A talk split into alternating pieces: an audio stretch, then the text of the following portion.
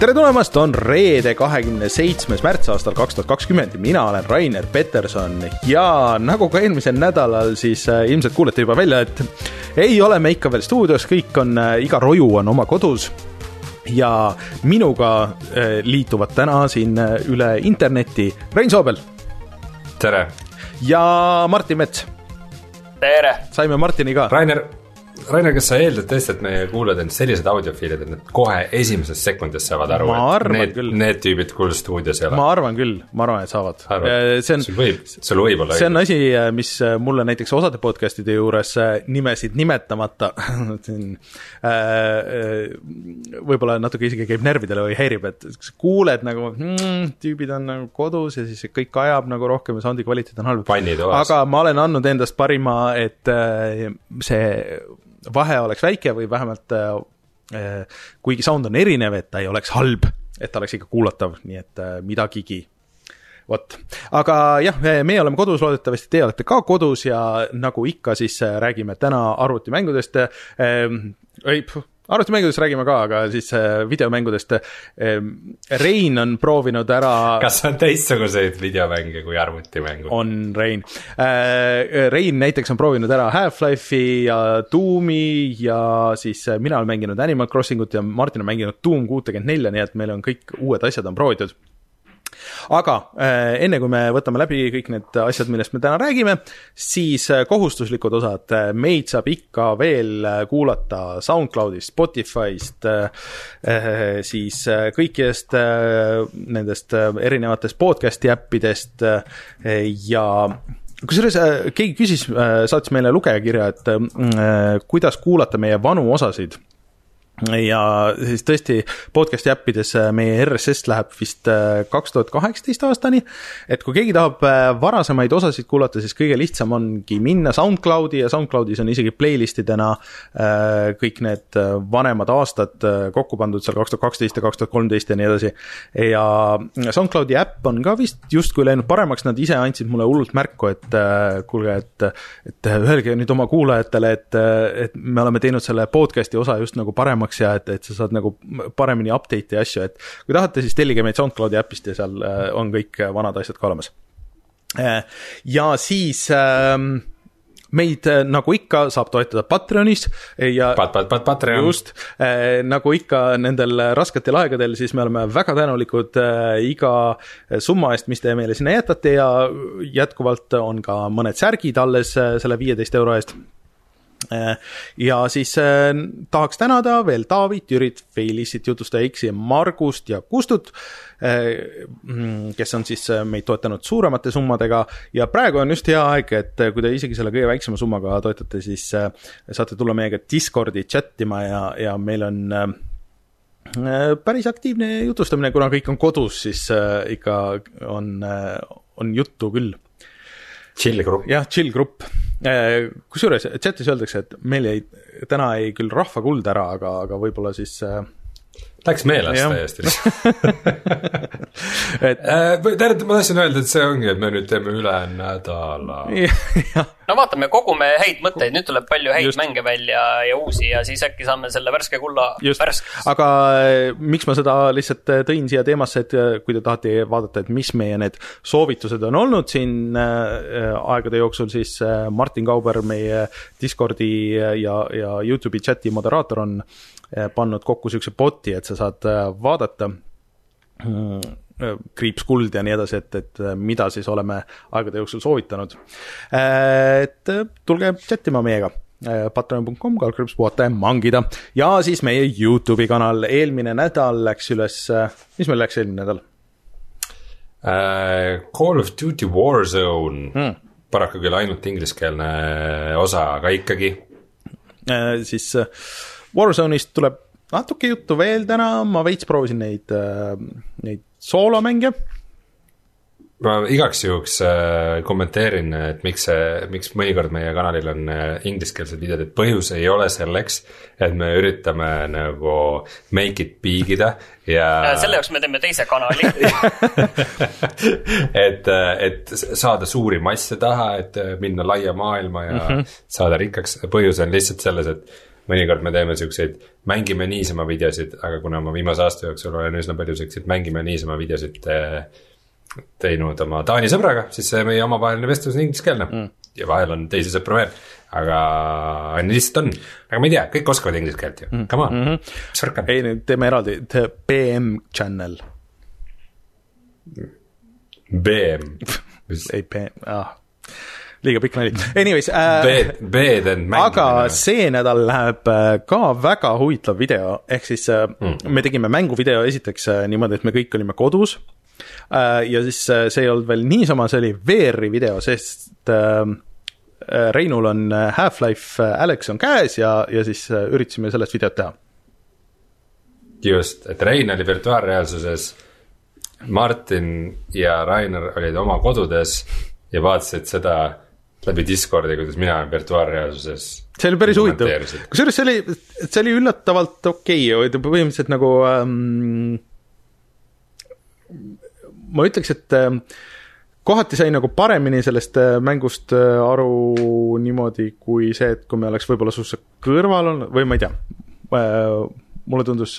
igal juhul hea mulje jäi, hea mulje jäi niiviisi vaadata tegelikult, töötas väga, väga hästi, et teinekord soovitame seda teistelgi niiviisi proovida, kellel on võimalik seda teha. aga me räägime, ei olegi mõtet vist sellest Half-Life Alyxist nagu pikemalt rääkida, et minge vaadake videot, kui see ilmub ilmselt võib-olla mitte täna, aga, aga lähipäevil ja siis äh, täna räägime kindlasti sellest veel mm. -hmm. ja niisuguse lõpetava introkommentaarina ma tahaks sulle soovida palju nüüd sünnipäevaks äh, Joosep Uusväljale. oo jaa, õige. kellel on täna sünna, äh, täna siis sellel päeval, kui me salvestame oma saadet ja mul on selle puhul keldrilohede T-särk mida ma võiks muidugi niisama ka kanda, just kuulasin viimast osa nüüd, uut osa, kus mind ei ole mm ja ma vist ei saa kuulata seda keldriloede asja, sest ma, ma, ma tahaks ise seal olla ja ma mõtlen ainult siis selle peale, et kui uute, uute karakterite peale, keda ma tahaks luua ja mida ma. sa pead oma podcast'i tegema. olukordades teen. kurat, ka valutab see, valutab see keldrilohede asi mul nüüd põrsasti äh, aga kõiki neid Reino ja Joosepi ja Mänguvälja keldrilohede videosid saab näha siis Mänguvälja kanalil Äh, mänguväli, ongi lihtsalt vist mänguväli Youtube'is, eks? jaa, vist koduleht on ka mingi mangu, manguväli mm. või midagi sellist. okei okay,, aga see on vist see kohustuslik osa siia algusesse. Mm, Martin, räägi sina, sind ei ole nüüd mitu nädalat olnud, et äh, millest me veel täna räägime? Sa nimetasid kõik äh, mängud juba ruttu ette, aga me räägime sellest, et nüüd Epic võtab suuremalt ette ka mängude levitamise. Mm. Äh, tähendab, mitte levitamise, vaid kirjastamise sõnastab pigem. et ilmselt äh, tuleb veel rohkem Epiku eksklusiivmänge. Mm.. ja sina tahad rääkida kõikidest nendest äh, vanadest mängudest, mis nüüd tulevad Nintendo Switchi peale. Ja, ja siis arutame, arutame ka selle üle natukene, et mängude allatõmbamise kiirused muutuvad aeglaseks, aga mis platvormil muutuvad ja mis platvormil veel ei muutu okay., selle jätame saladuseks. no aga tuleme siis kohe tagasi ja räägime uudistest.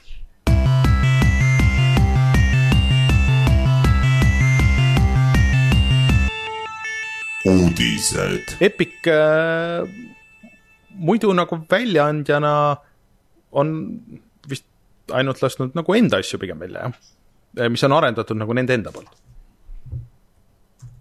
hea küsimus. et äh, ainuke, mis mul tuleb kohe praegu, on äh, see, see Metroidvania ehk siis ähm, äh, see mm, mis see oli nüüd? Shadow, Shadow Complex äh,. aga, aga nagu rohkem nagu hetkel ei tule nagu.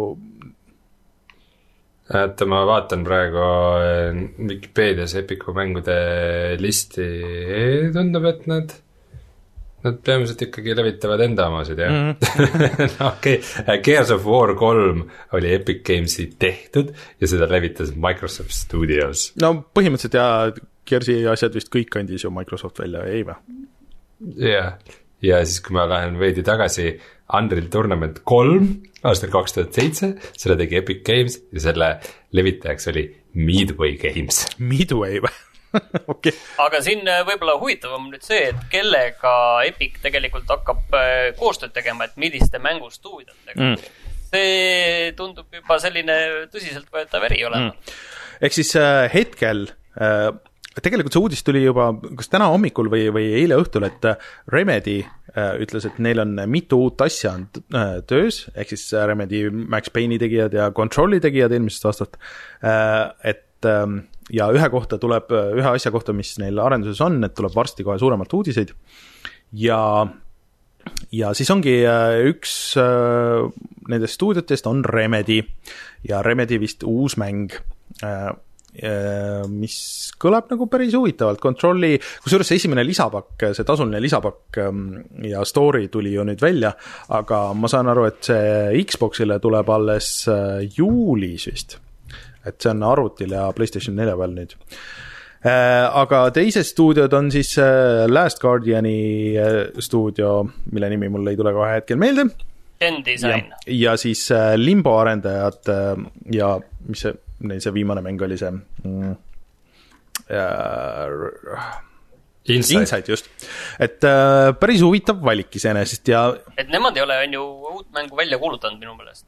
Ei ole. Äh,, sealt see mingi põhimees läks isegi ära, kes oli see äh, algusest peale nagu üks äh, alustajaid selles stuudios. Ah.. ja Inside tegelikult tuli välja neli aastat tagasi. issand jumal, ja kusjuures see, see Inside'i vaata mingi naljakas äh, äh, special edition, kus oli see suur pall ja mille tegi mingi äh, porno mingi firma või mis iganes, et see tuli ju välja alles mingi eelmise aasta lõpus äh,. nagu mitu aastat hiljem. aga ma vaatan, et ma vaatan, et sellel Playdate'il tegelikult, et nad on äh, niiviisi õrritanud enda uut mängu juba tegelikult alates äh, kaks tuhat seitseteist jaanuarist mm okay.. aga ega nad midagi nagu väga asjalikku nagu näidanud ei ole. aga huvitav siis äh, selle juures on veel see, et Epic on öelnud, et nad maksavad sada protsenti arenduskuludest Äh, kõik palgad, äh, siis selle QA ja, ja siis äh, lokalisatsiooni ja, ja turunduse, aga, aga see stuudio siis ei pea mingeid oma õigusi ära andma selle jaoks, et see on kuni sada protsenti. nojah, noh, okei okay. see võib-olla on see juriidiline see nõks seal nagu sees, aga. aga see, üks nõks on tegelikult veel, et kui ma ütlesin, et rohkem Epiku eksklusiive tuleb, siis ilmselt see juhtub pigem nagu arvuti peal sest eh, tegemist on ikkagi kõigi nende mängudega, mis tulevad ilmselt ka Sony ja Microsofti mm -hmm. ja, ja võib-olla ka Nintendo konsoolidele mm. -hmm. et konsoolide puhul seda probleemi ei teki. need mängud, need uued mängud, küll need tulevad, on ju ka sinna mm, -hmm. aga mis saab eh, sellest va vaesest tiimist, mis praegu kogu aeg rekordeid lööb, see on küsimus aga huvitav, eh, Steam'i rekordid tõesti on olnud nagu teemaks ja niimoodi, et aga kas, kas Epic ei ole midagi sellist öelnud enda kohta, et kuidas nendel läheb? Vot ei ole jah, mul ei tule ka meelde. võib-olla lihtsalt sellepärast, et nende üldnumbrid ilmselt ikkagi on äh, oluliselt madalamad kui Steam'i omad ja siis nagu hüüda välja rekordeid, mis on äh, madalamad kui konkurendi rekordid mm., võib-olla ei, ei, no ma kindlasti neil on ikkagi see kasutatavus praegu väga kõrge mm. -hmm.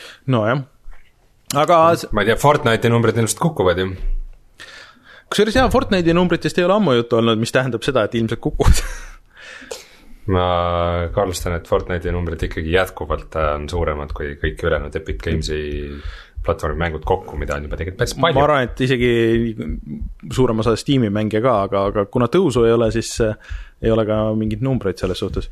aga selles mõttes see Remedi uudis on nagu huvitav, et, et Remedi ütles ka veel, et üks nendest mängudest on nagu äh, väiksem mäng äh, siis ühe teise mängu nagu maailmas või midagi sellist, et ähm, kuigi oli juttu, et Control võib-olla ei müünud nagu nii hästi, kui oodati või, või nii hästi, kui oleks võinud, aga et neil läheb ikkagi hästi, et et mulle nagu meeldib, et tegelikult nad on soomlased, on ju, siit lähinaabrid äh, ja, ja Control hoolimata sellest, et mul oli probleeme sellega, et tegi ikkagi nagu siukseid asju ka, mida teised mängud nagu võib-olla ei teeks, iseasi, kui hästi see õnnestus, et ootan huviga, mis saab, kui äh, neil on võib-olla rohkem vabadust, ma ei tea.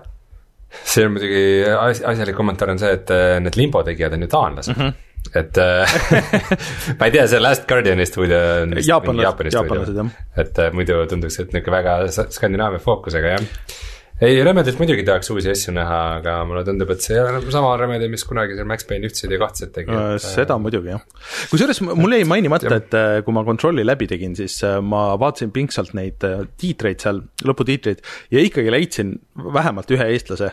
et äh, üks eestlane oli seal äh, kasutajaliidese selles tiimis ja kui- kuidagi nagu tekkis mõte, et võib-olla peaks kirjutama, kutsuma saatesse rääkima, ma ei tea, võib-olla oleks huvitav kindlasti tahaks alati rääkida inimestega mm. -hmm.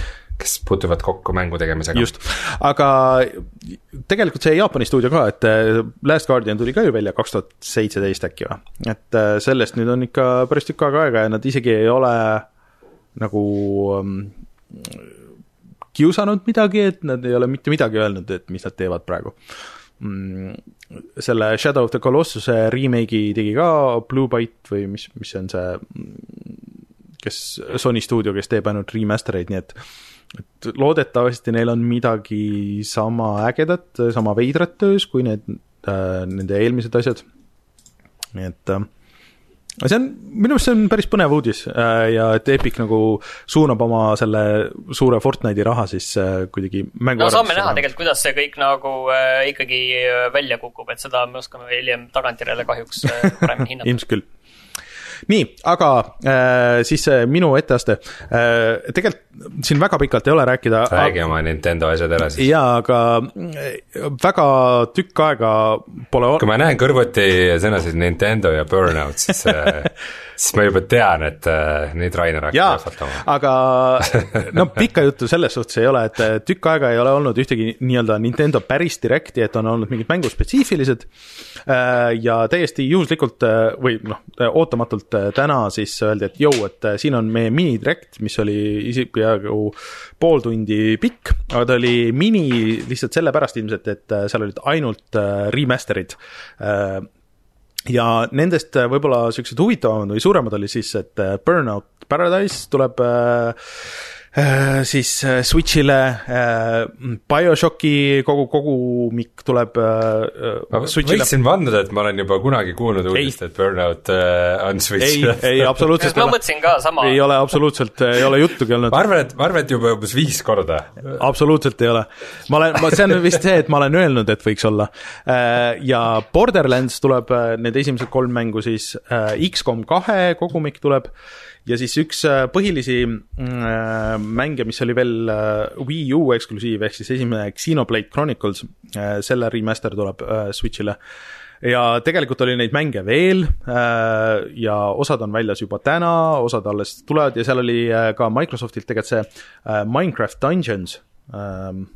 ma ei tea, kas see on nagu mujal kuskil väljas juba või ei ole, mis oli nagu põhimõtteliselt nagu Minecrafti Diablo või midagi siukest. Et äh, see tuleb Switch'ile äh, suve jooksul või midagi siukest või, või kevade jooksul ei ole veel väljas minu teada.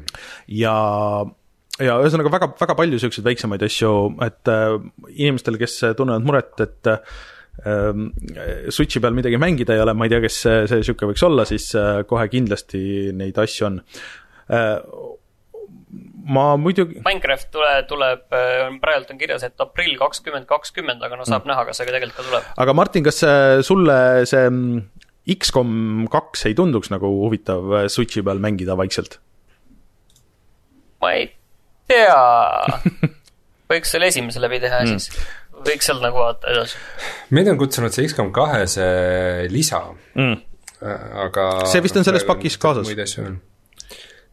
Et seda võiks proovida küll, et X-kom kaks nagu see vanilla nii-öelda Mhm. oli ikkagi suhteliselt katkine mäng mitmes, mitmes aspektis paraku. ja siis äh, see äh, reaalaja strateegia või, või ma ei teagi, kuidas äh, selle kohta öelda, et Kings ähm,, oota, mis selle nimi nüüd täpselt oli? King Bounty. Kings Bounty kaks jah, et see on ikkagi käigupõhine Jah., ta on selline Heroes of Might and Magic'u tüüp. jah, et äh, ma ütleks, et suht otsene koht aga kumb kopeeris kumba ei ja mõlemad väga see on vanad keerulisem, Jah. see on keerulisem teema. et äh, ma mäletan, meil mingis saates oli juttu sellest, et et teil on nüüd mõlemal võimalus seda hoopis Switchi peal mängida. nii, et ma ei tea, siuksed strateegiamängud minu meelest on nagu äh, head äh, siukse arvutis mängida. ei, siukse platvormi peal, mis on, mängid, teed paar käiku ära ja siis paned selle sleep'i tagasi, et arvutis sa pead nagu liiga süvenema sellesse. seal peabki süvenema. no aga siis süvenebki Jaa. käigu kaupa. oota, kas, oota. Switch'ile saab hiire külge panna või? no miks sa hiirt tahad? et strateegiamänge mängida? see on käigupõhine, sihuke aeglaselt, kus sul on aega mõelda, mis sa seal, mis sa seal hiirega teed.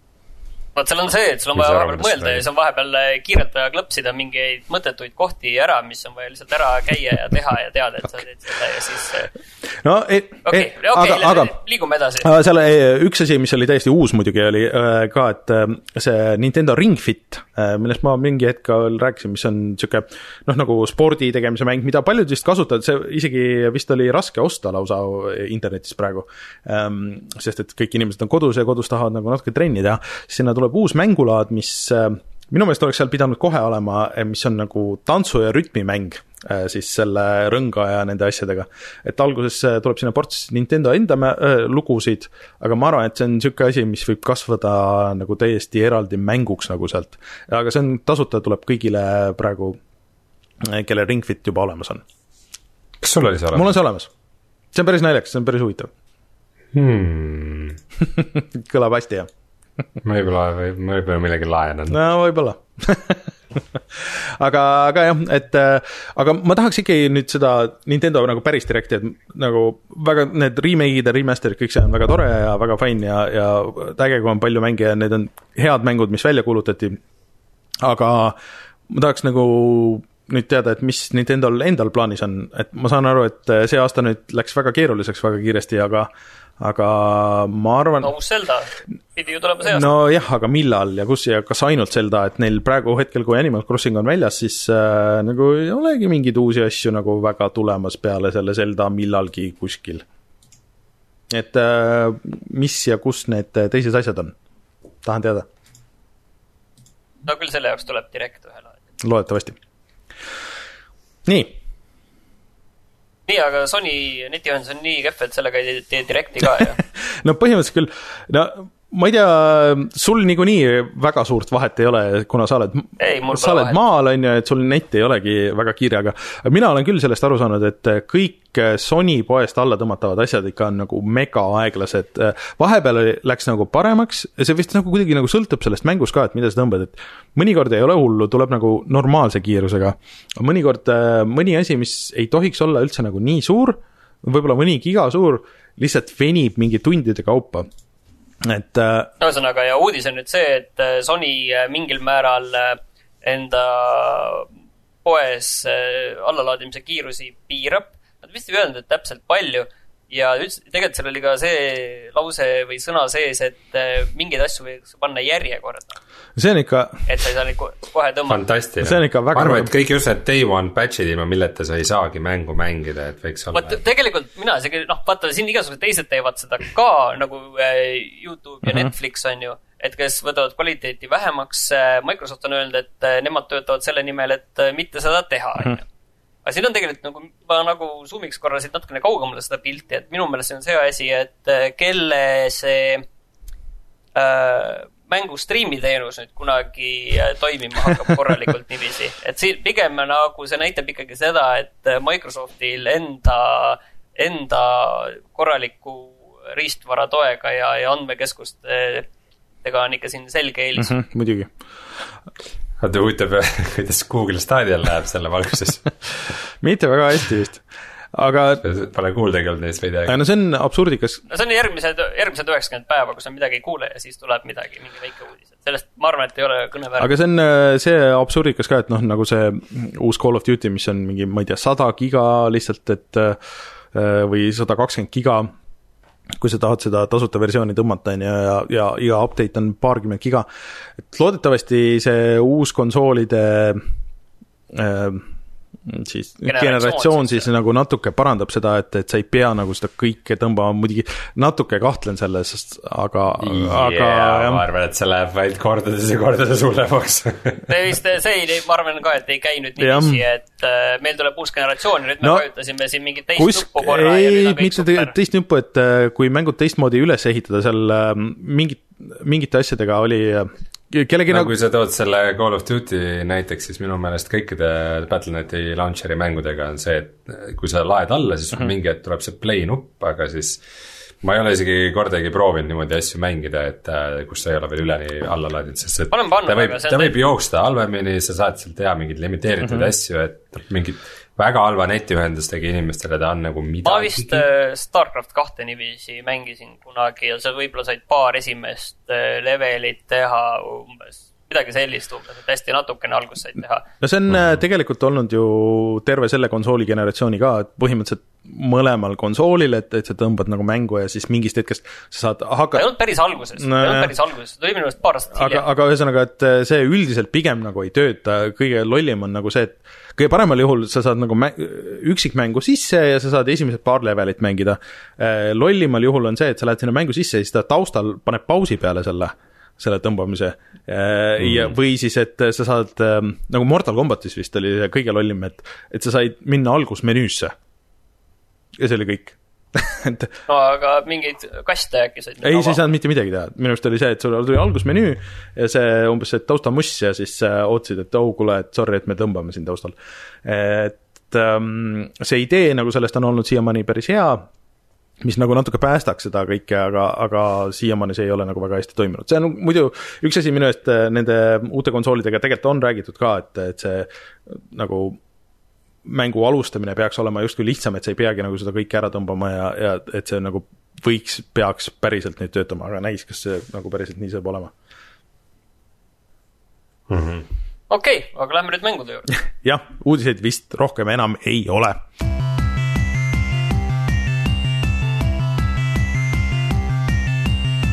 Saan aru, Rein, et see aeg on käes. et kõik need kolmteist aastat äh,, on vist kolmteist aastat või?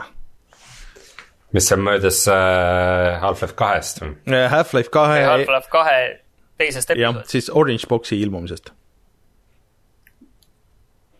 kas episood one mitte ei ilmunud Orange Boxi? ei, episood kaks ilmus Orange Boxiga. ühesõnaga, sellest on nii palju aega läinud mööda, et siin tegelikult ei ole vahet. okei, chat, chat ütleb, kellel õigus, aga mm, jah, see, teil on õigus, käes on uus Half-Life'i mäng, see on saabunud aastal kaks tuhat kakskümmend, märtsis Mm. ja seda saavad mängida ainult virtuaalreaalsuse peaseadme omanikud oh.. Ühesõnaga, meil Martiniga ei ole mitte midagi teha, jah. Mm, miks teil virtuaalreaalsuse peaseadmeid ei ole? Sest mul hakkab halb nendes. entusiastid ei hakka. oot, oot, oot, oot, me läheme, lähme nüüd juba kohe lappama. Rein, kas see mäng on hea, kas see mäng on oluline ja kas see on kõige parem VR-i mäng, mis on üldse kunagi tehtud? kas see on Half-Life või on see midagi muud? ähm,. hakkame siis kuskilt otsast pihta. Half-Life Alyx on äh, kindlasti väga hästi tehtud, väga pädev, väga poleeritud, väga detailne äh, mäng, mis on tehtud spets just virtuaalreaalsuse jaoks äh,. ta kindlasti tõstab taset äh, ja nagu sea-, sätib mingisuguse standardi Äh, ja kindlasti toob ka palju inimesi VR-i juurde, kes äh, varem äh, kuidagi olid äraootaval seisukohal või, või tundsid veidi vähem huvi selle vastu siiamaani. Ja mis on võib-olla kõige huvitavam selle Half-Life Alyxi juures ongi see, et ähm, ta on ikkagi väga-väga-väga äratuntavalt Half-Life'i mäng.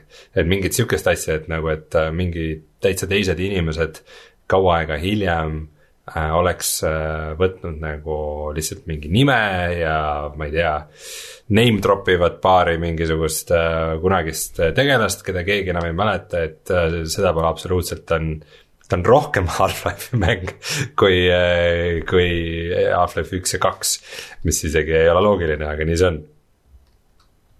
Äh, väga julge väide. ma ütlen vähe, vahele selle ära, et see siis äh, maksab viiskümmend eurot ja sa saad seda mängida kõikide peakomplektidega, kõikide tänapäevaste peakomplektidega. kusjuures ma saan aru, et nad, mis on arvuti külge pandavad, mitte siis et. Valve tõi isegi tegelikult esimese mängu selle ühe põhikirjutajaid ähm, või siis teise mängu, Erik Volpo isegi tagasi äh, selle Alexi jaoks, et see ei ole nagu ainult äh, teiste inimeste kirjutatud selles suhtes. jah, see, ma täpselt seda nimekirja ei tea inimestest, aga noh, seal on vaata palju, palju osalisi a la mingid Campo Santo inimesed ja mm -hmm. nii mhm. edasi, on ju, kes, kes seal kambas on praegu, et. Et see lead developer, vaatasin mingit intervjuud temaga, aga ma ei mäleta. ma ei mäleta, kas ta oli varem seotud üldse mõne Half-Life'iga, aga igatahes ta on seda. Nad on tabanud seda, seda nagu vaimu väga hästi mm, -hmm. et ja mingites asjades on isegi, esiteks see disain ja see olustik on nii äratuntavad aga samas nagu nendega on mindud nagu kaugemale. et, äh, et just, et see City Seventeen oli vaat sihuke nagu noh, veidi düstoopiline, veidi slaavilik nihuke linn, kui te mäletate Half-Life kahest. Äh, aga nüüd on sellega nagu mindud nagu eriti astmesse, et ta on nagu, ongi nagu mingi Ukraina või Venemaa linn sihuke ja see. see tüüp oli minu arust bulgaarlane, kes selle disainis. selle linna just või? kas ei olnud see? jaa, kogu selle maailma. kas ei olnud mitte see, et see Half-Life äh, kahe level disainer või see just selle nagu uh, levelite concept disainer äh, selleks pärast tegi Dishonored'is mm.. jah, jah.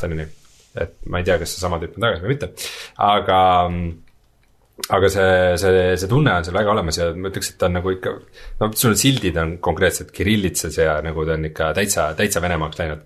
ja nagu Half-Life'i mängudele kohane, siis ta nagu algab üsnagi rahulikult, aeglaselt, pikalt, sa nagu tükk, tükk, tükk aega elad sinna maailma sisse, enne kui seal läheb nagu lahinguks ja sa kohtud mingite kollidega ja ja aga see alguse sisseelamine, sa tutvudki üsna detailselt nagu seal selle eluga, mida Alex muidu elab, sa oled siis Alex Vance. Äh, teise Half-Life kahe põhiline kõrvaltegelane, see on tema nihuke nagu veidike origin story. Äh, et sa, et see ongi, kõik on nagu nii detailne ja sa saad paljude asjadega interakteeruda ja.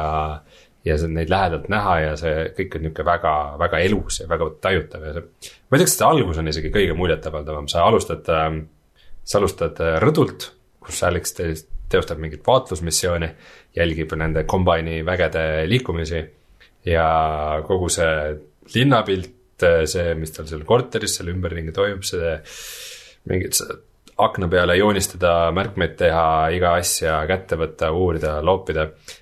üks naljakas, me, kui me videot tegime, siis ma rääkisin sellest, et väga palju vahet ei ole minu meelest, kas sa mängid seda Valve Indexiga või mõne teise peaseadmega. et kuigi Valve Index on minu arvates kõige parem peaseade ja ta näeb seal väga hea välja ja kõik heli on väga hea ja juhtimine nende Knucklesi pultidega. siis nagu interaktiivsuses ilmselt nagu tohutult mingit drastilist erinevust ei ole.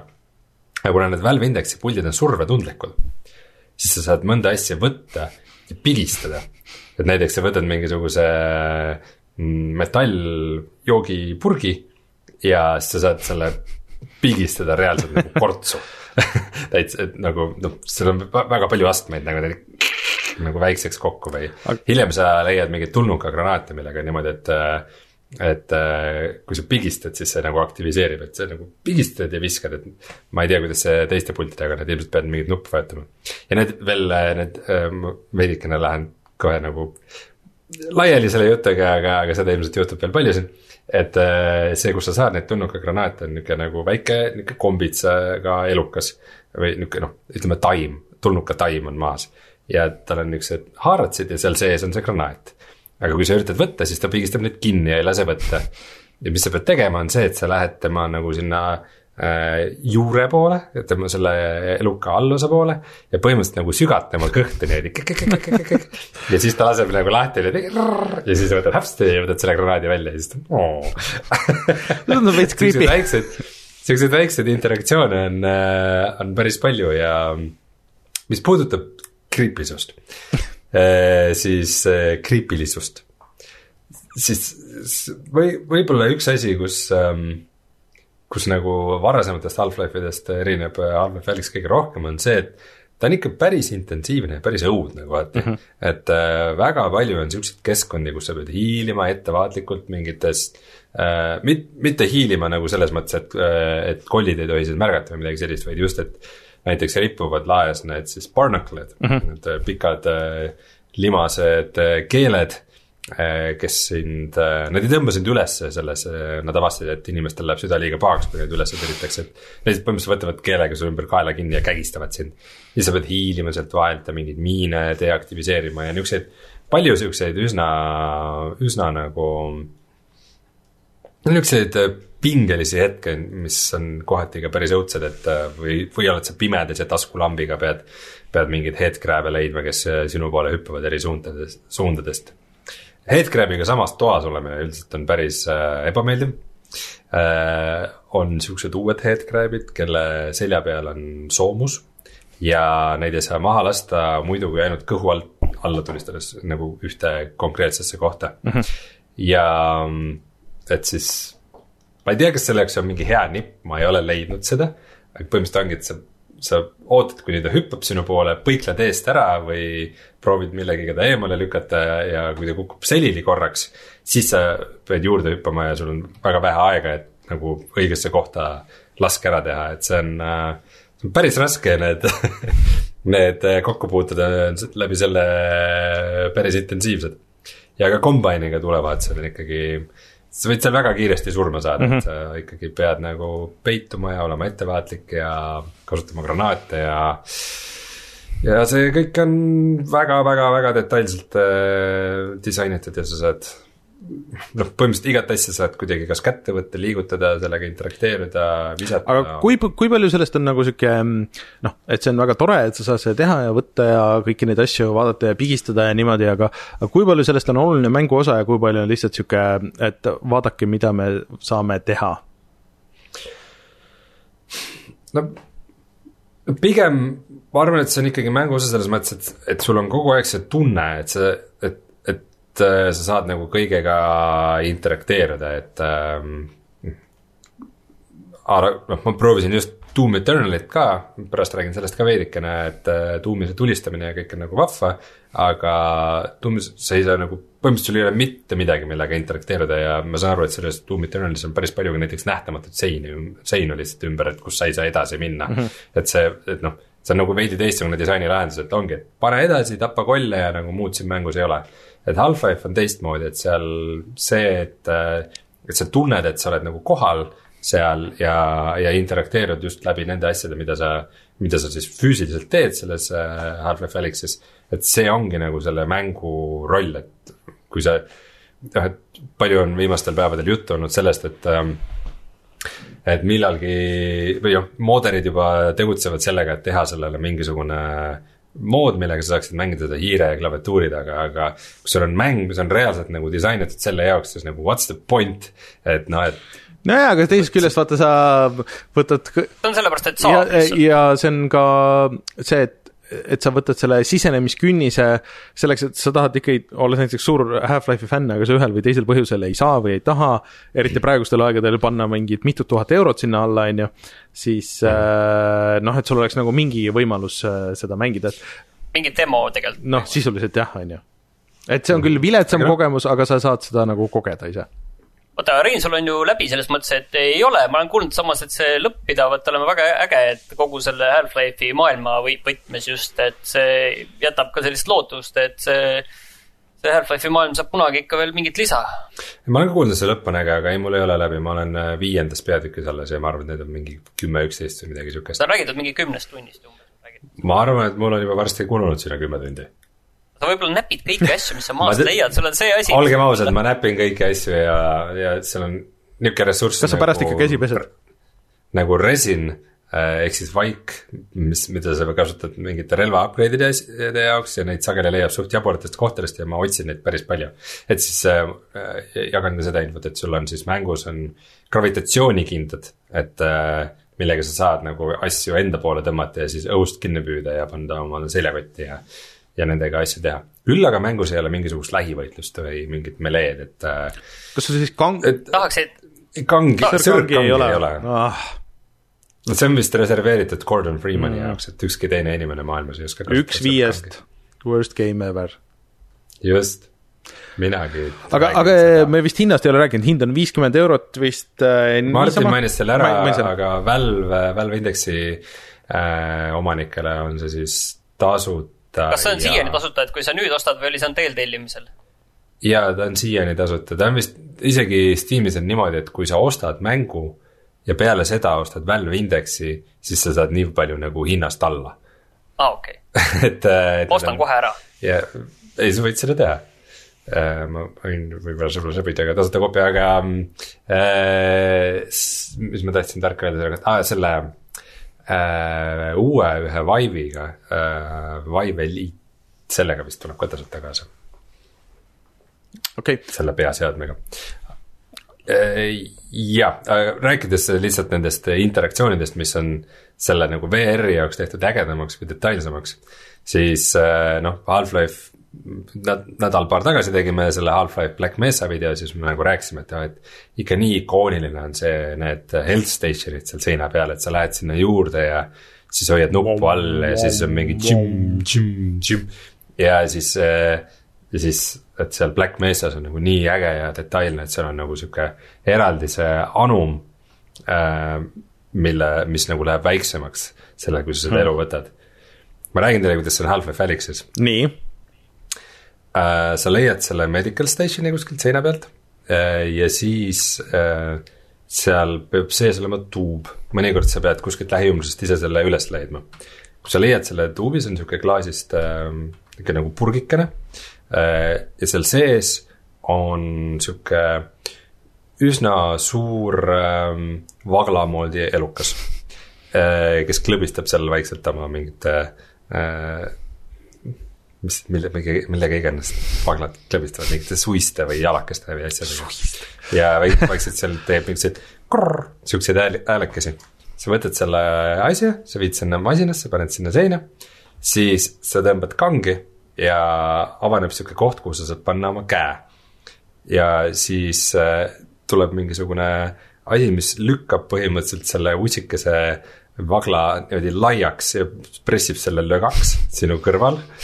Ja siis äh, sa paned oma, kui sa paned oma käe sinna masinasse, siis tuleb sealt palju siukseid väikseid nõelakesi robotkäte otsas, umbes nagu äh, selles vanas Star Warsi filmis Empire Strikes Back'is, et kui äh,, kui Luke Skywalkeril käsi ära raiutakse mm, -hmm. siis need, vaata robot nagu tõk-tõk-tõk-tõk-tõk siin sees tegi nagu mikrokirurgiat. Sa paned oma päris käe nagu sinna ja siis äh,, siis hakkab, hakkab see masin tegema seal mikrokirurgiat ja samal ajal seda, seda putukalöga nagu järjest niimoodi surutakse sulle sinna läbi nende sisse. et see on natukene detailsem kui seal Black Mesas, et siuksed asjad on ikka nagu täiesti jaburalt detailsed ja, ja need tunduvad nagu nii õiged, nad lähevad selle kogu selle combine'i ja kogu selle kogu selle tun-, tundega ja samas need heliefektid on ikkagi nagu samal ajal äratundavad mm, -hmm. et fantastiline näide, kuidas on võetud nagu no hea remaster selles mõttes mm, -hmm. et on võetud nagu need vanad ikoonilised asjad, need pandud täiesti teise võtmesse, aga need on ikkagi äratundavad. aga et kas see ei tekita veidrust, et noh, et see on ju ma saan aru, story poolest enne Half-Life kahte, on ju, et mm. kuidagi kõik need asjad on äh, siis äh, vahepeal ära kadunud? pigem jääb mulje lihtsalt, et Half-Life kahes kui vanemas mängus on sellest sihuke basic um representatsioon. samamoodi nagu Half-Life kahes olid asjad detailsemad võrreldes Half-Life ühega. nojah, no aga, aga story on jälle teistpidi, aga äkki oleks tuus, kui äh, Valve nüüd võtaksegi ja, ja teekski esialgu Half-Life kahe näiteks selles samas mootoris nagu noh, võib-olla mitte VR-i levelil, aga noh, ma ei tea, või samas ma ei tea, kas on mõtet enam ei ole mõtet. sellel remaster'il või remake'il nagu, et, et Half-Life kaks on ju mängitav tegelikult siiamaani. Ei no see on iseküsimus, mis see, mis see Valve tulevikus teeb, eks nad ilmselt natukene ka ootasid seda, et mis mis tagasiside sellele kogu asjale tuleb ja kuidas see vastu võetakse, arvestades, et ähm, ähm, Half-Life Alyxit äh, mängis alguses korraga viiskümmend tuhat inimest äh,, mis on VR-mängu nagu absoluutne rekord äh,. ta on vist praegu selle aasta kõige kõrgema reitinguga mäng ja seda Twitch'is vaatab rohkem inimesi kui Call of Duty seda Warzone'i. põhjusega. No, arvan, et nad, nojah, sest inimesed ei saa seal mängida siis ma arvan, et võib, võib teha juba vahekokkuvõtte, et Half-Life Alyxil on läinud väga hästi ja see on võetud väga hästi vastu. ja Valve on öelnud, et nad tahavad kindlasti Half-Life'i maailma tagasi tulla, et, et et ma kindlasti loodan, et Valve ainult VR-mängudega edaspidi ei tegele, aga kindlasti tuleb häid VR-mänge. no nad ütlesid, et nad ju relaunch ivad Artifacti siin lähiajal, aga seda ka, jah. aga Rein, ma annan sulle järgmiseks nädalaks ülesande. Eh, sul on, sest sul on see võimalus. ehk siis, et eh, ma tahaks, et sa nagu selle, mm, et sa mängid seda Valve Indexi peal eh, suhteliselt mm, -hmm. noh, sul on võimekas arvuti, aga nagu noh, ütleme niisuguse ikkagi nagu, nagu ähm, see ei ole niisugune ulmeline arvuti, et sul on, mis see graafika on tuhat seitsekümmend Ti. tuhat seitsekümmend Ti ja noh, niisugune, niisugune nagu keskklassi arvuti või natuke peale nagu niisugune, ütleme niimoodi.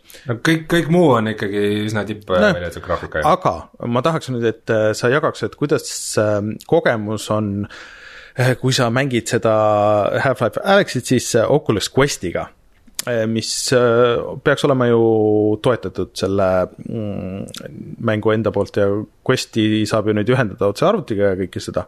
et ähm, lihtsalt sul on olemas siis nagu võrdlused, see, mis see high-end ja ilmselt noh, et see indeksiga selle masina peal, ma arvan, et see on nii, nagu seda on mõeldud mängida nagu suures plaanis. aga mis see nagu kõige madalam level, et seda siis VR-is mängida oleks? Äh, ma arvan, et see kõige madalam level kindlasti ei ole Oculus Quest um,. no Oculus Questiga lihtsalt on pigem uh, omad nüansid selles, et Oculus Quest teatavasti on siis uh, eraldiseisev peaseade mm, -hmm. millele tuli millalgi siis uh, ametlik uh, arvutiga ühendamise võimalus uh, nimega Oculus Link mm.. ma ei ole kindel, kas mul praegu isegi on USB kaablit, mis seda toetab, ma mingi hetk ostsin mingisugused paar kaablit kokku võib-olla rohkem kui paar. Äh, aga ma ei ole siiamaani viitsinud testida, kas see funkab või ei, et seal on natukene teised küsimused, et äh, kas seal see pilt on veidike kompresseeritud, kui ta tuleb või läägab või midagi mm. -hmm. aga ma võiks seda proovida näiteks Oculus Rift S-iga, ma noh, ma võiks proovida ka vana Oculusega mm -hmm. no, võib-olla need asjad oleks huvitavamad, aga, aga noh, selles mõttes otseselt ma võin seda proovida millalgi. ma tahaks enne mängu läbi teha Valve Indexi peal ja siis proovida mingisuguseid asju, kuidas teiste peal töötab, aga testid juba on, on ära testinud mm. -hmm selle ammu enne kui mäng välja tuli, et põhimõtteliselt sa võid selle mängida vana Vive'iga, vana Oculusega, igaste asjadega ja, ja ta töötab väga hästi, sest et on, sest et reaalselt nagu Valve disainis seda mängu niimoodi, et neil oli nagu seitse peaseadet laua peal korraga mm -hmm. ja nad kordamööda vaatasid, et kõigest no, kõik töötas ki. kindlasti need testid on olemas ja ma tahaks, mind huvitaks lihtsalt sinu, sinu nagu see mm, vaade sellele asjale, et. aga nüüd ma küsin äh, viimase asja selle kohta, mis on võib-olla siis ka kõige olulisem asi. et kas nüüd äh, VR jõuab siis massidesse või juba, kas see on see asi, mis hakkab seal platvormi müüma? näis, ta kindlasti Half-Life Alyx on kõige olulisem mäng, mis siiamaani VR-i tulnud on äh, ja kindlasti. kas sellest piisab? Kindlasti peab vaatlema VR-mänge kui enne Half-Life Alyxit ja pärast Half-Life Alyxit mm., aga äh, tänu äh, sellele pandeemiale, mis meil toimub äh,, need asjad pidid tegelikult vist välja kukkuma natuke teistmoodi äh,. Oculused on otsas igalt poolt äh,, nii Oculus Questid, Oculus Rift S-id äh,, Valve Indexit äh, tarnimisega on juba aasta algusest saadik olnud väga suured probleemid ja, ja põhimõtteliselt teadaolevalt viimased neli kuud pole keegi enam-vähem Valve indekseid saanud. et äh, nali oli see, et nüüd, kui Hiinas hakkasid asjad tööle jälle, et nüüd siis äh, USA-s pannakse kokku ja siis mm. läheb seal kõik pekki. et, äh, et see asi pidi välja kukkuma natukene teistmoodi. et inimestel on praegu suurem huvi VR-seadmete vastu, kui neid VR-seadmeid suudetakse toota lihtsalt. aga, aga ma arvan, et VR-ile ja VR-mängudele tervikuna tegi ta siiski väga suure teene mm.. ühesõnaga siis vastus on praegu, praegu ei ja kindlasti ka Valve äh, nagu kinnistas ennast kui niisugust juhtivat äh, VR-arendajat ja juhtivat VR-vahendajat läbi Steam'i mm. platvormi. miks see vastus ei on? ma lugesin selle, seda nagu ei-ks või noh. Ei, VR-maailm tohutult võitis sellega, kas ta massidesse läheb, no siin on masside koha pealt jah, ma saan aru, et see on väga oluline, aga masside koha pealt äh, ma just mõtlesin, jah. ma arvan, et see on suur tõuge sinna suunas. okei okay.. jaa aga Rein, sa korraks, ma arvan, et Half-Life Alyxist kindlasti räägime järgmine nädal siis veel, loodetavasti sul on läbi selleks ajaks aga teine suur mäng äh, nendest kolmest, mis tuli sellel nädalal äh,, oli Doom Eternal ja sina oled seda mänginud, Martin, kas sina oled ka mänginud seda? ei, mina Sina ei ole ole, ma olen mänginud äh, Doom kuutekümmet No nelja, ma ostsin selle eraldi. sellest räägime ka veel pärast, aga, aga räägi siis natuke Doom Eternalist ja, ja kui kaugel sa sellega jõudsid? Äh, kuna Doom Eternalit no, ma sain alles äh, küüned taha päev enne, kui Half-Life Alyx tuli, siis ma olen teda ainult ühe, ühe õhtu mänginud. nii et päris põhjapanevaid järeldusi ma veel ei teeks selle kohta. aga mm, nii palju võib siis öelda, et ta näeb väga kena välja. ma proovisin, et kas mul õnnestub ta ka veidike ka kõrgema kaadrisagedusega tööle panna ja avastasin, et mingi hetk minu minu arvuti on default inud kuuekümne kaadri peale, kuigi mul on monitor, mis toetab sada nelikümmend neli hertsi. ja tuum oli siis, kui see teist, on mänge, mis näitavad mulle väga kõrget kaadrisagedust mm -hmm. nurgas. aga tuum oli piisavalt intelligentne, et sai aru, et ei, see, see ei lähe üle kuuekümne, me püsime kuuekümne peal. pikk, läks pikk aeg, enne kui ma teada sain, et tegu oli minu Windowsi setting utega. Igatahes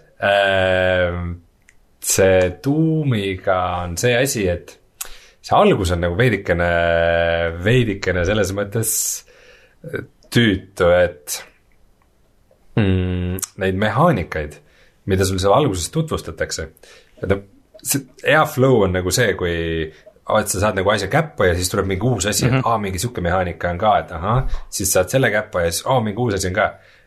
Doom Eternal on see, et alguses kõik asjad nagu suhteliselt järjest nagu nii, palun, see on see, see on see, siin on ruunid, siin on mingid kombod, siin on mingid leegiheitjad, siin on nagu see mehaanika, mingid, neid süsteeme tuli, seal on mingi mootorsaag, mille jaoks on eraldi kütust vaja. kõik need asjad tulevad nagu nii korraga ja nii järjest ja siis see on mingi uuemate ID mängude jama on see, et kui sul on mingi uus asi, siis sa lähed simulatsiooni, selles kuramuse Rage kahes oli ka see sa lähed simulatsiooni, kus sa pead mingisuguse asja läbi tegema mm -hmm. ja siis sa saad edasi ja see, see, ühesõnaga see kogu see flow seal alguses on suhteliselt halb.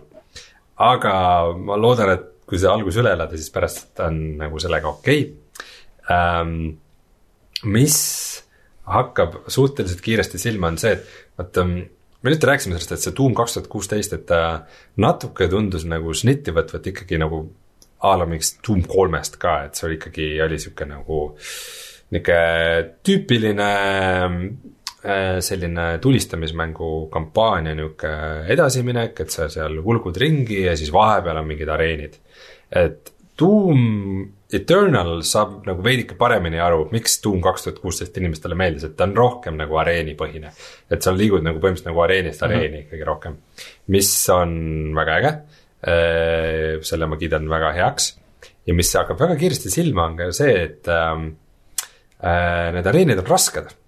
et äh, see, see ei ole nagu niivõrd nagu power fantasy mäng, kuivõrd ta on power fantasy ka muidugi, aga sa ikkagi pead vaeva nägema ja mis on tüütu sellise mängu juures on see, et sul on alati laskemoona väga vähe mm. -hmm. et ähm, et päris paljud äh, lahingud lähevadki niimoodi, et sul saab lihtsalt laskemoon otsa ja sa põgened kollide eest äh, ja otsid omale laskemoona juurde, et üldse nendega võidelda. ma saan aru, et sa ja... Pead tegelikult tegelema sellega kogu aeg, et, et sa teed neid kloorikille või mis iganes see- need on ja, ja ja mm. nagu kogu aeg hoiad sellel nagu silma peal ja mängid seda mängu, et sa iga, iga vastase eest või iga relv, millega sa tapad vist, et siis sa saad nagu erinevat laskemoona ja kuidagi nagu pead nagu majandama neid asju, jah. Seda majandamist on päris palju, mis on sellise mängu juures veidikene tüütu, aga, aga samas noh, mis, mis mulle meeldib, on see, et ähm, võrreldes väga paljude tulistamismängudega, siis Doom Eternalis absoluutselt ei toimi see asi, et äh, nii, et ma nüüd läksin uus, uude levelisse, nüüd ma olen seal kuskil leveli algusosas, seal kuskil ukse juures ja siis ootan, kuni nagu kollid tulevad ja siis ma tulistan neid vaheldumisi ja nemad tulistavad mind ja noh, et veidi põiklen ja olen seal. et mis mulle meeldib, on see, et see ei toimi, et sa pead nagu see kohe leidma nagu areenidel nagu, kuidas sa saad ringi liikuda, mingid tüübid ajavad sind taga, mingid tulistavad sind nagu aeglaste kuulidega, millest sa täiesti ära põigelda ja sa pead pidevalt nagu olema siukses, hüplema põhimõtteliselt, leidma niukse hea trajektoori mm, -hmm. kus sa saad nagu tiirelda eh,. aga samas seda piisavalt palju varieerima, et leida ka mingit medkit'e ja ammut. ja niimoodi nagu paned sa mööda seda areeni ringi ja samal ajal tulistad kõike, mis liigutab ja see on minu meelest äh, märksa cool im nagu gameplay loop kui äh, Doom kaks tuhat kuus, kuueteistkümnes, et ma juba hindan seda Doom Eternalit palju kõrgemalt kui Doom kaks tuhat kuusteist episoodi. ma mäletan, et sa olid väga, väga skeptiline olid alguses. ma olin väga skeptiline, Doom kaks tuhat kuusteist mulle ikkagi nagu väga kustumatut muljet ei jätnud ja mulle mulle selle mängitavus ikkagi kuidagi ei istunud, ta oli niuke veidike float'i ja konsoolilik minu jaoks, et uh, Eternal on kuidagi teravam ja konkreetsem ja ma arvuti peal naudin seda märksa rohkem uh,. Olen... et uh, ma olen, ma olen väga positiivselt üllatunud ja, ja julgen ta koos Half-Life Alyxiga panna ka juba värskesse kulda ära uh,. ma nüüd ei teagi peast, mis meie värske kuld siin ette nägi, aga, aga kaks mängu korraga. jah et äh, mängin kindlasti, mängin kindlasti veel äh, Doom Eternat, kui ma Half-Life'iga ühele poole saan, aga esmamulje tegelikult ikkagi tundub väga äge. ja meie värskes kullas on praegu Call of Duty Warzone, Ori and the Will of Wisps ja Black Mesa. et äh, ma kindlasti võtan ka äh, selle Doomi ette kohe, kui ma olen Ori läbi teinud, et ma lubasin endale, et ma enne ei sukeldu sinna, kui, kui see on ühel pool. aga sellest ma räägin kohe veel, ma räägiks enne nüüd uuest asjast, ehk siis äh, äh, Animal Crossing New Horizons. et äh, Animal Crossing on tegelikult väga vana seeria äh, see sai alguse juba äh, selle Doom kuuekümne nelja peal. Äh, enamik, enamik asju, kui Rainer alustab, ma nüüd vabandust, et ma segan, sest alustab mis rääkimist, siis ma räägin tausta ära. tegelikult, tegelikult on see väga vana ja, seeria, et sa, sa ei hakka rääkima sellest, mis Nii, see on. ma, ma räägin ära, sest et võib-olla Animal Crossing ei ole ma unustasin öelda, et Doom, Doom on ka tegelikult väga vana seeria. aa, sa oleks võinud rääkida, aga, aga Spiis. ja Half-Life ka, Half-Life ka. enne seda Doomi oli ka, tal oli osasid enne ka. aga et seda kirjeldada nagu hästi, siis see on ähm, elusimulaator ja muidu sa oled olnud äh, lihtsalt äh, siis mulle juba ei meeldi. Äh, külaelanik või noh, need, sa oled uus elanik, kes tuleb uude külla ja siis on värdjas kapitalistlik pesukaru, kes annab sulle kohe laenu või surub sulle laenu peale, e, eluasemelaenu põhimõtteliselt, ja siis sa pead hakkama tegelema sellega, et kuidas talle tagasi maksta see. ja põhi... noorepere laen. jah, ja põhiasi on siis see, et see mäng on seotud nagu päris aja kulgemisega. ehk siis äh, sa ei saa suuremat osa asju teha nagu kohe, et äh, sa saad mingeid asju teha ühel päeval, siis need saavad valmis nagu järgmisel päeval, siis mingid asjad on kättesaadavad ainult öösel, mõned ainult päeval, mõned ainult kevadel, mõned talvel ja okei okay,, see mulle päriselt ei meeldi aga, aga see töötab hullult hästi, ma arvan, et selle osa, miks see mulle praegu nagu nii hullult meeldib, on ka sellel, mis ümberringi toimub. et see on nagu nii, see, see kogu asja nagu tempo on nii chill, et sa võid neid kõiki asju teha täiesti omas tempos, sul ei ole ühegi asjaga kiiret. see pesukaru küll mögiseb sinuga, et, et noh, sa võiks, küsid talt, et mida ma täna võiks teha, et noh vaata, sa oled mulle võlgu nagu nii palju, et sa võiks nagu mõelda selle peale, et kuidas teha asju, et sa mulle kiiremini tagasi maksta saaks. kogu aeg tuletab meelde, aga see näeb hullult äge välja. ta on hästi sihuke multikalik, aga ta on nagu see, eh, selle uue New Horizon'i siis eh, twist on see, et sa oled põhimõtteliselt asustamata saarega alguses. ja siis sa kutsud sinna inimesi ja ehitad maja ja muuseumi ja, ja aitad teistel siis inimestel, kes on sinna tulnud, siis ka ehitada maja. annad neile laenu ka? laenu ei anna, aga sa võid neile asju anda ja, ja kinkida ja nii edasi aga põhimõtteliselt flow on jah, ja siis sihuke, et, et sa lähed vaatad, mis, mis sul nii-öelda achievement'id on, mida sa saaksid teha ja nende eest sa saad raha ja siis sa saad Nook Mile'e, et see äh, Tom Nook on see pesukaru ja siis tal on täiesti oma finantssüsteemid, äh, äh, mille eest sa saad siis osta endale kas mööblit või siis äh, näiteks lennupileteid, et minna teiste saarte peale, sest su enda saar on nagu suhteliselt väike, sa alguses isegi nagu ei saa kõike seal, kõikidele osadele ligi, et sa pead käima teiste saarte peal ja koguma mingisuguseid ressursse, siis seal on väike nagu crafting'u süsteem ka ja, ja siis craft ida asju kas siis enda jaoks või siis müüki, on ju. et noh, põhiasi ongi, et, et sa üritad saada piisavalt palju raha, et oma eluasemelaen ära maksta. aga mm, see kuidagi on nagu nii, kogu see muusika ja kõik need asjad, et see on nagu nii sihuke mm, ma ei tea, mis eesti keeles see charming'u nagu see vaste oleks Äh, võluv. jah, võluv, et, et see nagu töötab, et mulle üldiselt ka nagu ei meeldi seda tüüpi mängud ja ma Animal Crossing ut äh, olen ka ainult nii palju proovinud, et see mobiiliversioon, mis mõnda aega tagasi tuli, nad tegid seda, mis on väga loogiline, et sa maksad nagu päris raha selle eest, et äh, need asjad läheks kiiremini või sa saaks mingeid asju kiiremini kätte, aga siin seda nagu absoluutselt ei ole. et äh, kõik asjad on niisugune, et, et see ongi mõeldud niimoodi, et sa mängid seda mingi tund aega nagu näiteks päevas või kaks tundi, alguses ilmselt rohkem, et kui sul on äh, mingeid uusi asju teha, aga et sa lähed kõik nagu korra vaatad, mis toimub, mis inimesed räägivad, ahah, poes on mingeid uusi asju, okei okay,, ma ostan need ära, panen need paika ja homme lähed vaatad jälle.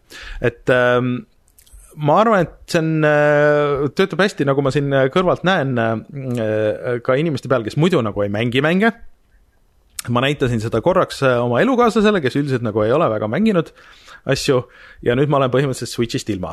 et äh, kuna nüüd ma olen siin kodukontoris, siis ma lihtsalt olen nagu, äh, suurem osa ajast ma lihtsalt olen näinud nagu kõrvalt, äh, kuidas seda mängitakse nagu ja ja ma ise olen põhimõtteliselt päevaga maas, et kui sa maksad selle eluasemelaenu korra ära näiteks, siis sa saad kohe peale ka uue laenu, et, et suurem maja, rohkem asju, mida teha ja sisustada ja niimoodi, niisugune väga kapitalismi simulaator. see kõik on hullult uus, aga seal on üks väga suur miinus on see, et kui sa mängid mitmekesti Äh, ühe Switch'i peal, äh, siis, ähm, siis läheb asi nagu natuke veidraks. ehk siis, et see, kes esimesena mängib, on nii-öelda põhimängija, tema alustab äh, seda saart ja tema otsustab kõiki asju, mis seal saare peal toimub. ehk siis, et kui, kui siin mängisime, ma tegin mingid asjad ära nagu, siis elukaaslane mängis natuke aega ja siis nagu mingist hetkest ei saanud enam edasi, kust mina nagu justkui sain. ja siis selgus, et et ta nagu ei saagi mingeid asju teha, enne kui mina nagu need nii-öelda kinnitan ja annan talle näiteks uue kirve, on ju. et kui tal ei ole uut kirvest, siis ta ei saa midagi teha. või et kuhu paigutada muuseum või et muuseumi jaoks on mingisuguseid asju panna, vaja koguda, tema saab neid tuua või tähendab, tema saab sellesama tüübiga rääkida, kelle juurde nagu mina saan neid tuua aga tal ei ole võimalust neid üle anda, et mina pean justkui nagu need andma, et siis ta pidi need, kuna tegelikult me saame koos korraga nagu mängu minna, siis pidime kokku saama, ta andis need asjad mulle, ma panin oma inventari, käisin, rääkisin selle tüübiga ära ja siis läksin mängust välja. et ähm, ja see põhimõtteliselt ongi nagu niimoodi jagatud kaheks, see on hästi veider ja sa ei saagi nagu teha teist saart üldse, et see ongi nagu üks switch on lukus selle ühe saare peal, et ükspuha, kui palju sa kasutajaid teed, teine, teised kasutajad ei saa alustada uut saart nad on selles samas saares nagu külalised. mis on absurdne, et, et, et vähemalt võiks olla võimalus, et ma alustan nagu midagi täiesti uut, et see on täiesti eraldiseisev nagu sellest. aga seda varianti ei ole, see on väga imelik ma ei saa aru, miks. ma väga hästi saan, väga hästi saan aru, kuidas muidu see mitmikmäng seal toimib. Äh, no põhimõtteliselt sa oled ühe saare peal, ühel on oma maja, teisel on oma maja. Äh, ja äh, sa räägid nende külaelanikega ja kõigil on nagu, kõik annavad sulle nii-öelda quest'e tegelikult Äh, oota, aga kuna samal saarel saavad olla ainult sama Switch'i ja. teised kasutajad, see tähendab, et kunagi nagu kahte mängijat korraga ei, saab, saab, saab, saab korraga ka olla. aga, kuidas siis, split screen'is või äh,? Split, split screen'is ikka, jah et mitme puldi, kuni kaheksa inimest vist saab olla, ma ei tea, kas ühe ekraani peal saab mm -hmm. olla kaheksa, aga aga lihtsalt probleem on näiteks see, et äh, ma ei saa ka edasi, et kui ma peaks nüüd tahtma näiteks uut Switch'i osta ja tõsta seda ümber nagu seda oma saart, ma ei saa seda teha, ma pean alustama uut saart Äh, see on mega loll ja aga, aga see on niisugune mäng, mis mulle tundub, et kestab tegelikult väga kaua ja see on müünud hullult hästi, et see müüs ainult Jaapanis esimese nädalavahetusega üks koma kaheksa miljonit füüsilist koopiat. Et äh, prognoosid on see, et, et see siin paari nädalaga läheb kuueteist miljoni peale, et et see on üks hmm. müünumaid mänge üldse nagu, nagu selle ajavahemikuga. et aga, aga ma saan aru, miks ta, ta on väga tuus, ta on väga naljakalt kirjutatud, et nendel kõikjal äh, külaelanikel on hästi palju nagu dialoog, mis kogu aeg muutuvad ja nad vahest tulevad ise sinuga rääkima. ja aga, aga tal ei ole, noh, sa, sa ei saa nagu surma saada kuidagi äh,. Sa võid ära minestada, kui sa raputad puud, kus kukub alla äh, see herilase pesa ja siis nad nõelavad sind ja siis noh, sa minestad ära, sa alustad seal oma kodu juures, aga oled veits paistes mõnda aega Äh, aga, aga sellest ei ole nagu suurt midagi, et sa ei kaota midagi. et äh, mulle tundub, et see on praegu nagu siukses äh, koduelus, karantiinielus, see on nagu sihuke hea chill kulgemine, mis ei sunni sind nagu midagi tegema. Aga sa võid igasuguseid asju teha, internet on täis neid sürrusi, mida sa saad teha, et sul on telefoni äpp tegelikult, millest sa saad äh, joonistada mingeid pilte, mida sa saad äh, näiteks muru peale panna või sa saad oma maja seinte peale panna ja, ja ja sa saad äh, igasugu sürrusi nagu seal teha, aga üld-, ja noh, tegelikult sa saaks nagu panna, ühendada netist lahti ja sa saaks kella keerata, et sa saaksid neid mingeid asju seal kätte, mida sa muidu ei saa, aga see lõhub kogu selle pointi ära, et sellel ei ole nagu mingit mõtet, et äh, ma arvan, et see on niisugune asi, mis jääb nagu taustale tiksuma mingiks väga pikaks ajaks. vot.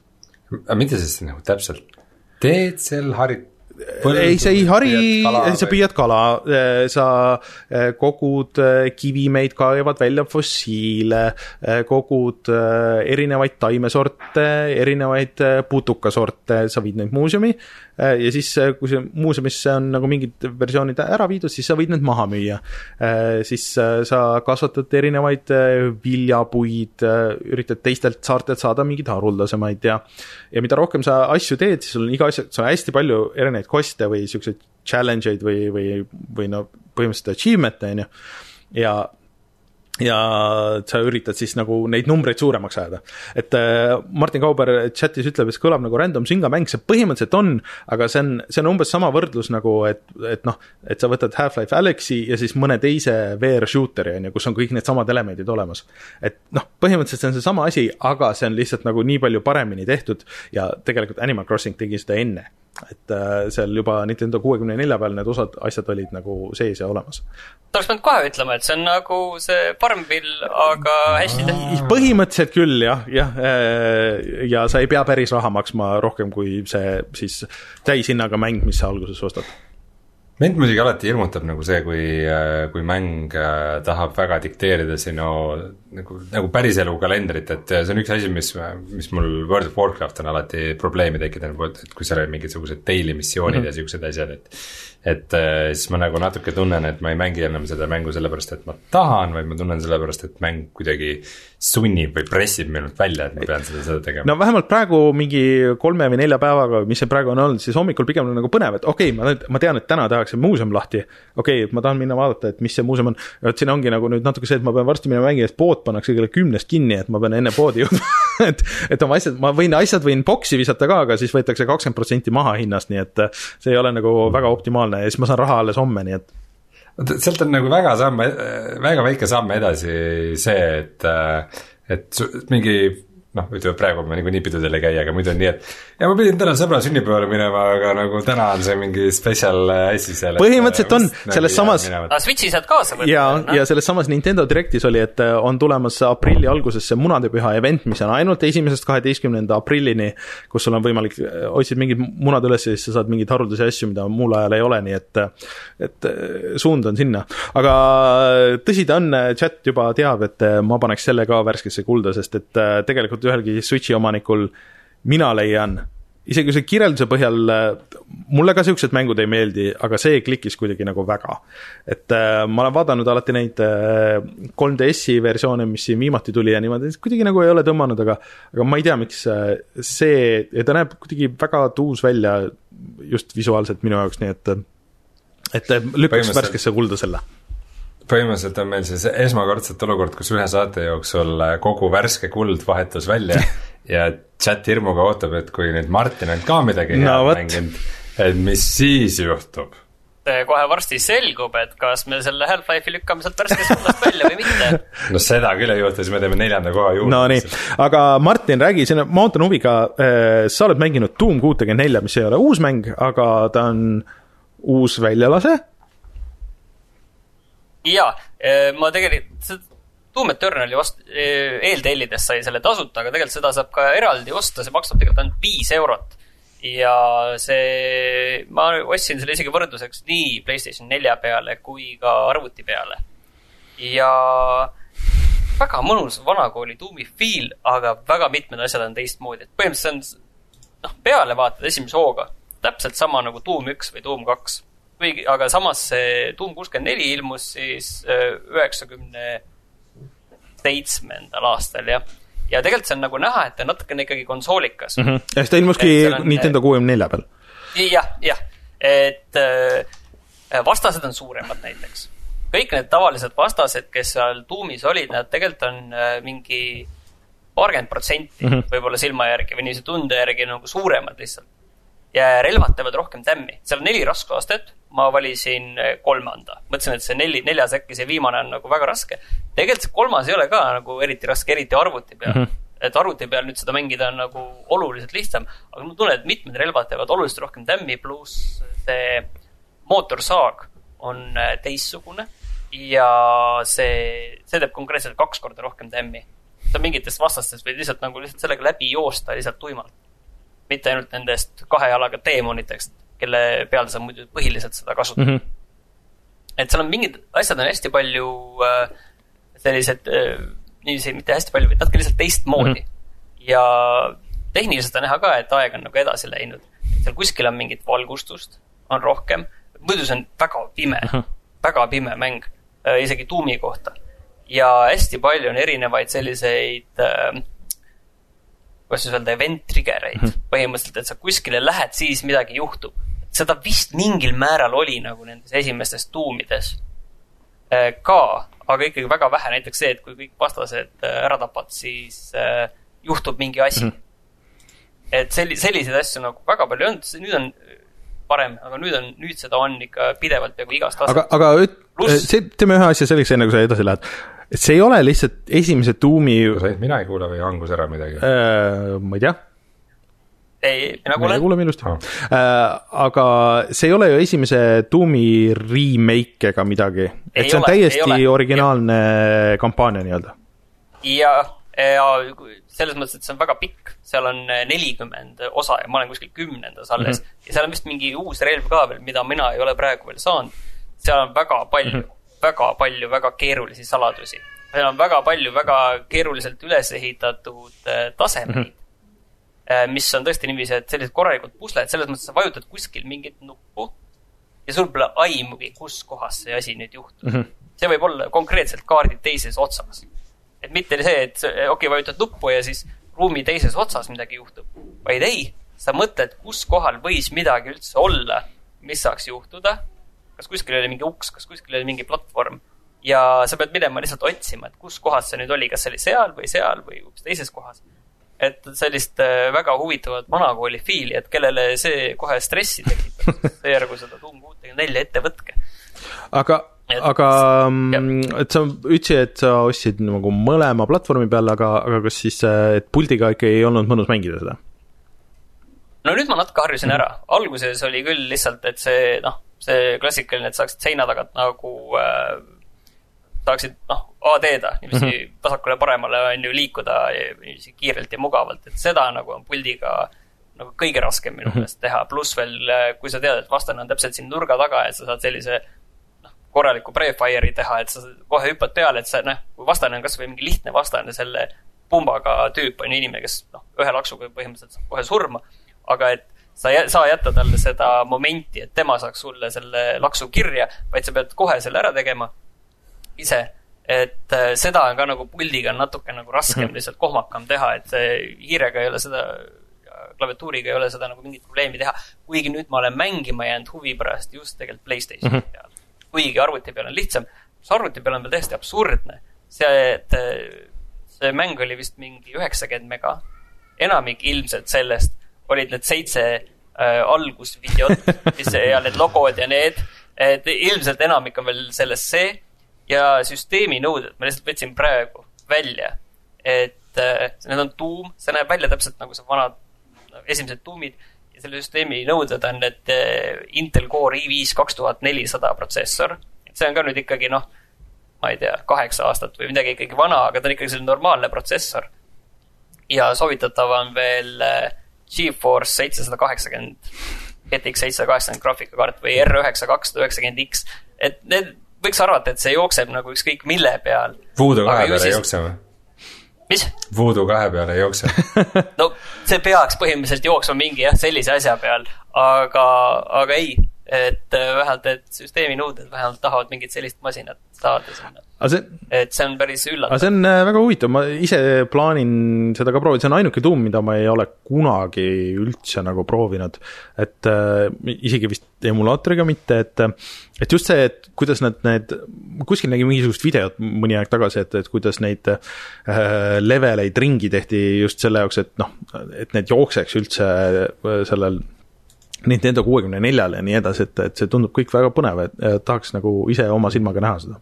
jah, vaata nad tegid nüüd mingeid lisa neid tasemeid tegid ka mm -hmm. sinna juurde ja see, aga need on vist seal kõige lõpus mm., ma saan aru, et põhimõtteliselt kolmkümmend kaks seda tavataset pead ära tegema ja siis jõuad sinna täitsa lõppu ja seal on alles need, et ma väga nagu sukeldusin sellesse Doom kuuekümne nelja maailma, kus eraldi kaartide kohta loed nagu, et mis seal kuskil on juhtunud ja seal on hästi palju sellist äh, sürrust, kus äh, mingi, ma ei mäleta, mitmes tase see nüüd oli, kuskil kahekümnes, et seal äh, arvati, et seal on lihtsalt mingi hull saladus peidus mm. -hmm. mingi salakoht, kuhu ei pääse ligi ja arendajad ütlesid ka, et vist oli jah, aga keegi ei mäletanud enam ka, et kuidas sinna ruumi või mida tuli aktiveerida selle jaoks, et sinna ligi pääseda. ja siis mingite cheat idega mm, -hmm. noh, kuna see oli ikkagi ainu-, ainult selle Nintendo kuuekümne nelja peal, siis sa ei saanud ka lihtsalt äh, cheat idega sinna sisse lennata äh, tavaliste tuumikoodidega, Mhm. onju. aga siis kuskil porditi ümber, tehti, vaadati läbi see ja selgus ikkagi, et seda tuba ei olnud, aga seal on hästi palju sellist, sellist äh, ägedat folkloori on selle asja ümber Mm, et üllatavalt palju, sest mina tegelikult sellest Doom kuuekümne nelja olemasolust, või noh, ma teadsin, et on olemas selline mäng mm, -hmm. aga seda, et see on nagu sisuliselt sada protsenti eraldiseisev mäng, see, seda ma arvan, ma sain võib-olla teada mingi viis aastat tagasi alles mm. oota, aga sorry, see ei ole siis äh, id Software'i tehtud ja mingi teise stuudio tehtud? ei ole, see, ma ei mäleta, see on kellegi teise tehtud. mul oli see siin äh, just lahti, ma saan kohe öelda, ehk siis äh, see on äh, Midway, ongi Midway tehtud jah, et see ei ole jah, ID enda tehtud. ja Night Dive. et jah, ja ühesõnaga, see on äh, see on väga äge tegelikult mm.. seda, täpselt seda vanakooli fiili, ta on natuke teistsugusem, aga, aga üldiselt see on täpselt see õige fiil ja mulle praegu nagu sellises äh, isolatsioonis, see on väga tore. ja see remake, remake ongi siis äh, Night Dive'i tehtud, vaata, kes äh, tegi selle plaadi remake'i, mida me siin mängisime yeah. millalgi ja siis selle System Shocki remake'i, mis peaks tulema vist nüüd see aasta. Ja mingi versioon juba tuli või midagi siukest ja Nad on veel mi- mitmeid asju mm -hmm. vist veel teinud igal juhul siin hiljuti ja kõike, kõik kiidavad. Ja Blade Runner. tõesti, jah, ja see toimib, kõik on nagu, kõik on nagu väga hästi. oi, ma, ma olen, ma olen väga rahul, viie euro eest, see on nagu ütleme, et selline asi, mida võiks isegi soovitada, seda võiks isegi soovitada niiviisi, et selle võiks isegi äh, panna sellise tugeva soovitusena ülesse mm.. okei. ja nad on need Turoki, ma päästan teid, ma tahtsin lihtsalt öelda, et me, et ma lihtsalt päästan teid sellest värskest kullast, et las ta siis, vaatame järgmine kord seda, kui ma olen seal kaugemale jõudnud. nemad on teinud ka need Turoki mm. nagu äh, need remake'id ja niimoodi, aga ma loen siit midagi väga huvitavat, ma võtsin äh, selle nende Vikipeedia lahti siin praegu, et nad on tegemas ka Sinni remaster'it.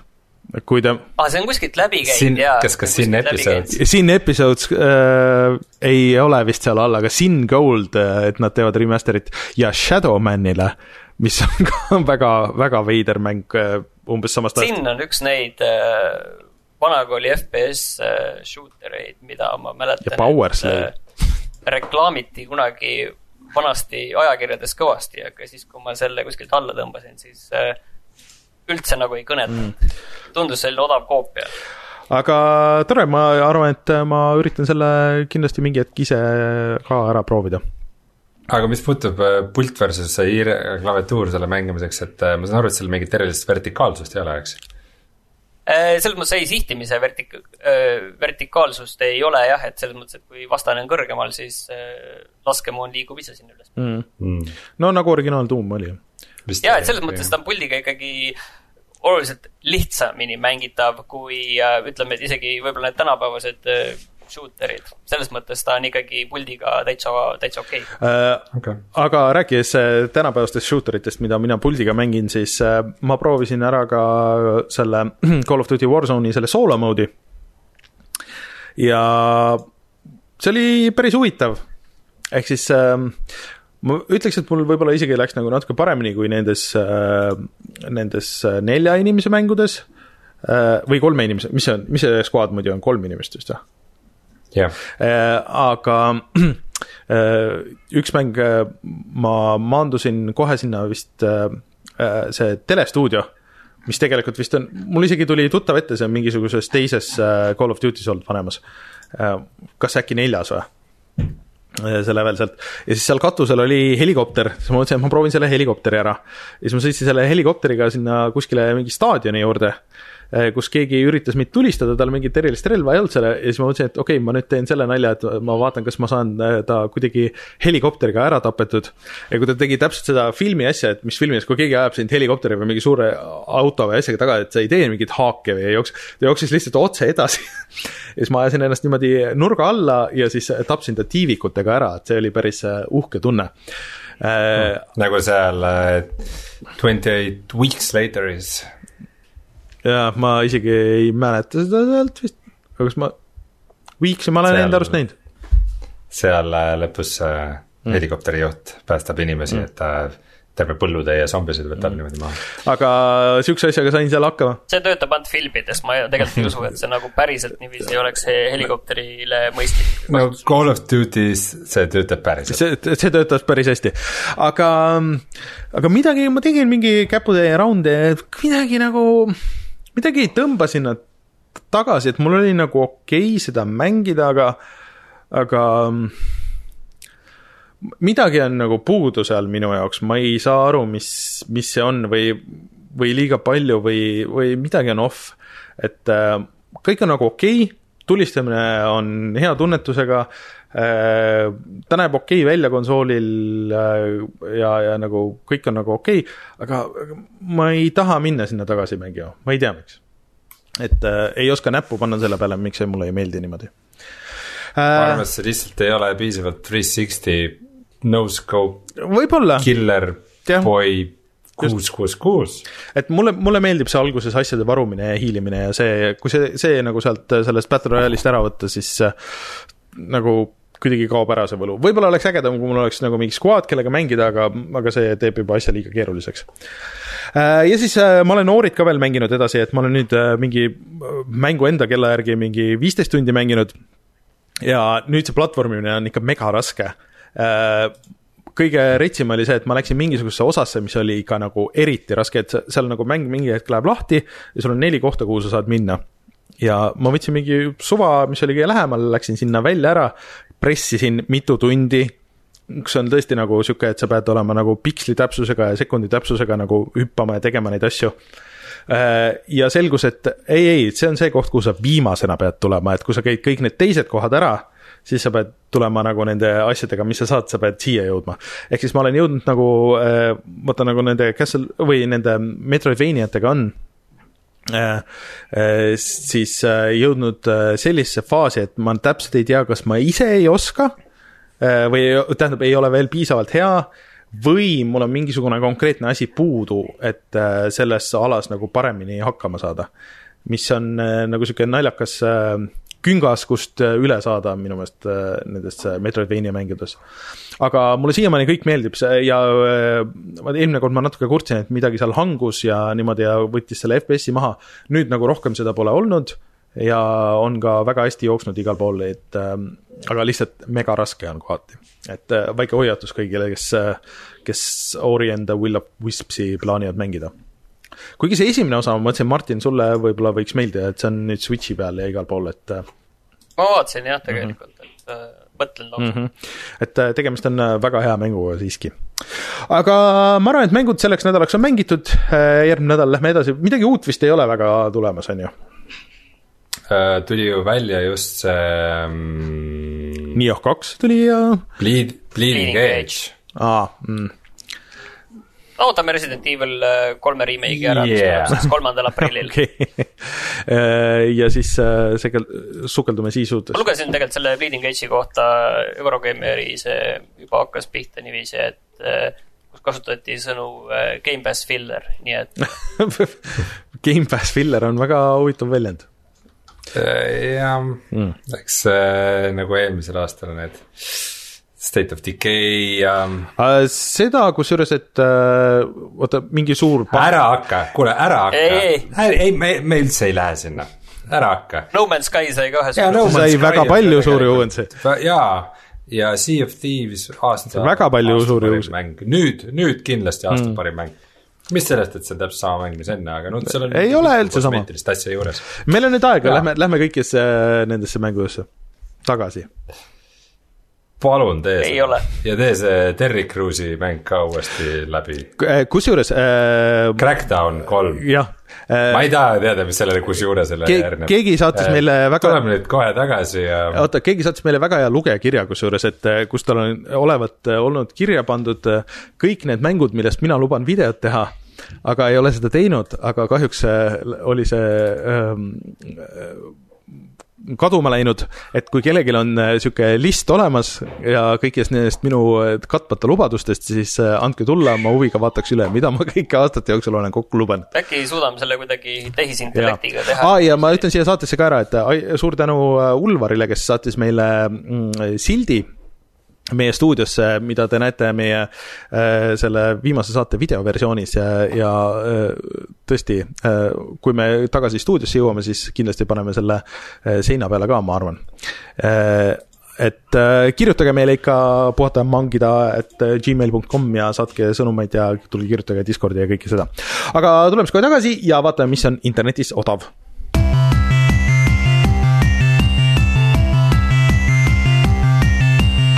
Martin, mis on internetis odav uh,?